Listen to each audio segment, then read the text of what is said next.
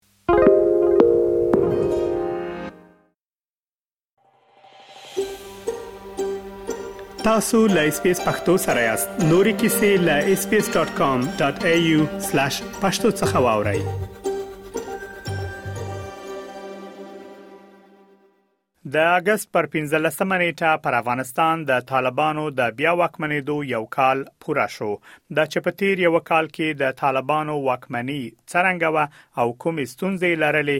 د همدغه موضوع په اړه غواړم د سیاسي چارو له کارپو او چیرونکو محب اقبال سره مرکه تر سره کړم خغله اقبال ډیر زیاته مننه چې اس پی اس پښتو رادیو ته مو د مرکه لپاره وخت راکړ منیب جان تاسو نه هم مننه کوم او تاسو اوریدونکو ته سلامونه وړاندې کوم ښاغلی اقبال صاحب کچيرې د طالبانو د تیر کال واکمنۍ ته وکتل شي ستاسو پاند آیا دغه ډله د حکومتولۍ ظرفیت لري افغانستان په دې تیر شلو کالو کې د یو ډیر عمیق تغییر نه تیر شوی دی دا چې په افغانستان کې جنگ او دا چې په افغانستان کې خشونت او تاوتریخوالی او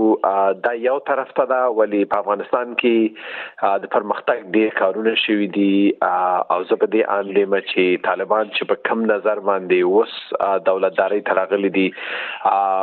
دیو د دولتدارۍ هغه ظرفیتونه چې دغه یو مغلقه اداره وچلی او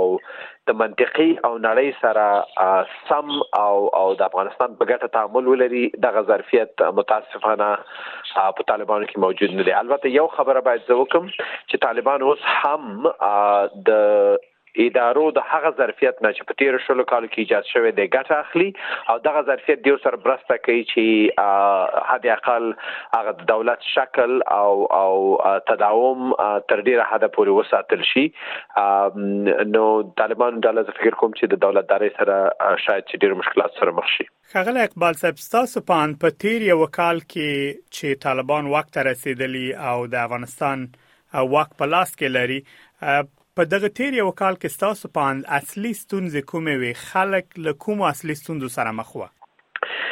د افغانستان خلک که خبره وکړو ډیر زیات مهم مشکل وس زمونږ اقتصادي مشکل دی په افغانستان کې ولګه زیاته شوې ده کله چې نړیوالې مرستې دی په یوه شپه کی ودرول شولی زمونږ صحی سیستم سقوط وکړلی خلک هغه صحی خدماتو ته هغه ابتدایی صحی خدماتو ته لاسرسی نلری د مکاتبو وضعیت کله چی کمکونه بند شول هم په هماغه طریقه باندی خراب شولی د نجونو د مکاتبو یا د جونو په درس ویلو باندی بندیز دا یو بل ډیر غټ مشکل دی. نو دا دا د خلکو مشکلات دي د افغانستان خلک د دې مشکلات سره شپه ورځ مخ دي اما یو لوی برخه د مشکل چې دا هغه د د صلح په هغه معنی چې باید په افغانستان کې صلح راشي نه راتګ هم یو ډیر غټ مشکل دی ځکه افغانستان د یو نوي جګړې د یو بل دور سره مخامخ دی چې په هغه کې آیسس یا داعش په مختلفو برخو کې فعالیت لري حمله کوي او او تاوتریخوالی من سره وړي په افغانستان کې د سیاسي اجماع یا د سیاسي مشروعیت نه موجودیت د ته زمينه برابرې چې ډیر خلک د د نظام په مقابل کې کودرې دي نشي هدا اقل د نظام نه ملاتړ هم نه کوي نو زه فکر کوم چې د یوې خوانه د نظام مشکلات خلکو په تشویش کړي دي چې دغه سي نظام په دغه سي حالت سره دوام کولای شي کني شي کولای او له بل خوانه اقتصادي مشکلات د افغانستان د خلکو په ورځنی ژوند کې ډېر لوی منفي تغیرات راوستي دي ښاغلی اقبال صاحب سره له دې چې په یوه کال کې ستونزې زیاتې وې چې تاسو هم ځینو ستونزو ته اشاره وکړه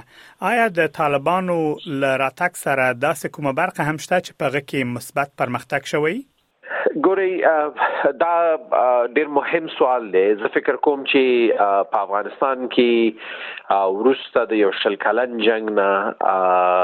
یوه ډله حاکمیت ته ورسېدله او په هغه منطقو کې چې دغه جنگ په ډیر شدت سره روانو په هغه منطقو کې دغه جنگ ودرېدلې او د جنگ د ودرېدو د خاطر تاوتریخواله کم شوه دی په ډیرو مناطقو کې کم شوه دی کچیرته موږ د مثبت په نظر ورته وګورو زه فکر کوم چې دغه یو ډیر لوی مثبت دی ولی یو ډیر لوی مشکل چې په دې مثبت کې موجود دی هغه دا دی چې دغه مثبت وضعیت چې په افغانستان په یو لوی جغرافیه کې اوس جنگ نشته دی تاوتریخوالی نشته دی وژل نشته دی کولای شي چې دوام وکړي او د دغه لپاره چې کوم ما مخکې هم یاد کړل چې د داعش موجودیت د نورو ډلو موجودیت او دولت سره د مخالفینو د زیاتواله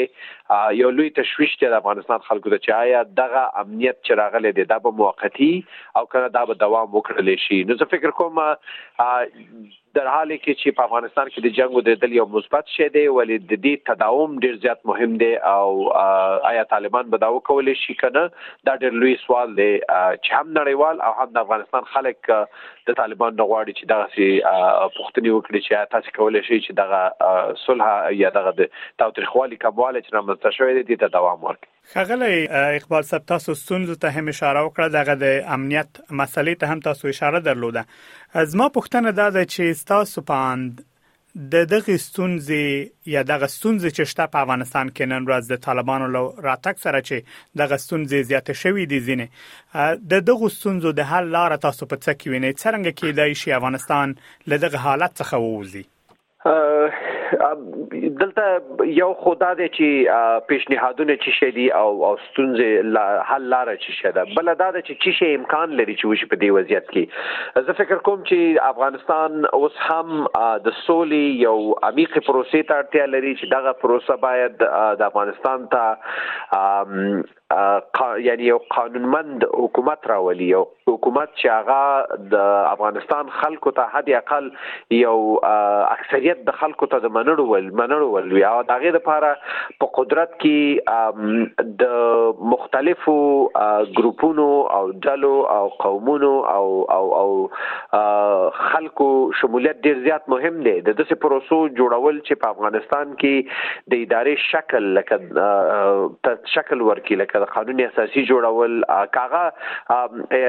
یعنی په شریعت ولاړ قانون اساسي هم وی باید جوړ شي او خلکو ته وړاندې شي چې زمنګ د دولت کولو اساس دغه دی د دولتداري لپاره باید چوکاټونه رامنځته شي چې هغه خلکو ته دا واضح کړي چې دولتداري څنګه کیږي دغسي وضعیت چې دغه اوس دی چې یو تصمیم په قندهار کې نیول کیږي بل تصویر په کابل کې نیول کیږي او دغه دواړه تصمیمونه سره تر ډیره پوري هم نوا هم نه دي زه فکر کوم دا افغانستان خلکو ته ډیر تشویش خلق کړی دی نو یو لوی سورته وي د صلح لپاره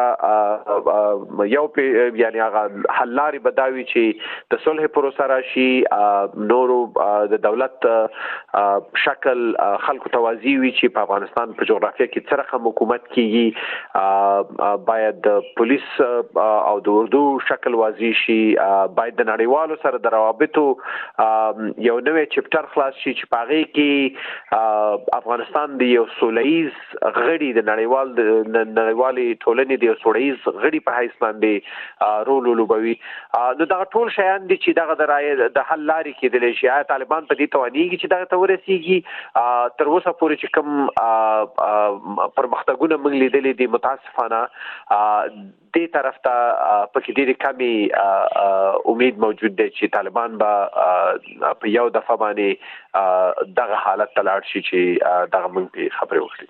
خغل اقبال کچیر طالبان د خلکو غوښتنو ته او همدارز د نړیوالې ټولنې غوښتنو ته پاملرنه ونه کړي او وضعیت همداسې دوام وکړي تاسو د افغانستان راتلونکې څرنګه وینئ؟ دا به د ډېر زیات د تاسف ځای وي، زیات د تاسف ځای به ځکه وي چې افغانستان به بېرته هغه پرمختګونه چې لاسته راوړي دي هغه به د لاسه ورکړي، بېرته به نویومې لسیزې ته وګرځي، د نړۍ نه به کاملا یو جدا هېواد واوسېږي، داسې یو هېواد چې د نړۍ هېڅ هېواد به ورسره روابط ونه لري. طالبان په یو کال کې ونه توانېدل چې د نړۍ د یو هیواد سره هم رسمي دیپلوماټیک روابط قایم کړي او او د یو حکومت پایس باندې پیژندل شي په ملل متحد کې د د حکومت پایس نه پیژندل شوی نو زه فکر کوم چې دا به د ډیر زیات تاسف زی او دا به ډیر د ډیر د خواشینونکي حقیقت اوسیږي چې طالبان به د ډیرو مشکلاتو سره خپل مخ شي ولیکن د دوی د خاطر به د افغانستان خلک د ډیرو عمیقو اقتصادي مشکلاتو سره مخ شي چې دغه یو حقیقت دی نړۍ په دغه باندې یعنی دغه دغه حقیقت نه څوک مخ نشي اړولې د افغانستان خلک به تر زه فکر کوم چې تر ډیره راپاتېږي دا خبرې به وکړي دا اوس هم مختلفې ډلې هم په داخل کې هم په خارج کې طالبانو ته پیشنهادونه کوي طالبان سره د خبرو کولو لارې خلاصې طالبان ته وړاندیزونه کوي چې د خپل دولت او د خپل د نړۍ سره د روابطو چې کوم شکل له دغه ته تغیر ورکړي اما دا چې دغه تغیرات راځي کنه موږ به وګورو ولی دغه به یو ډیر ستونزمن حالت وي د افغانستان خلکو لپاره کچیرته طالبان هم په داخلي او هم په نړیواله سطح باندې د قانونمندۍ خوندن کیږي نه د سیاسی چارو کارپوه او څیړونکی ښاغلی محب اقبال له تاسو نه ډیره زیاته مننه ښه ورځ ولری. منیب صاحب تاسو نه هم او ستاسو اوریدونکو نه هم مننه کوم چې موږ ته وخت راکړ. که غواړئ دغه سنوري کیسې هم او رینو د خپل پودکاسټ ګوګل پودکاسټ یا هم د خپل خاكي پر پودکاسټ یو اورئ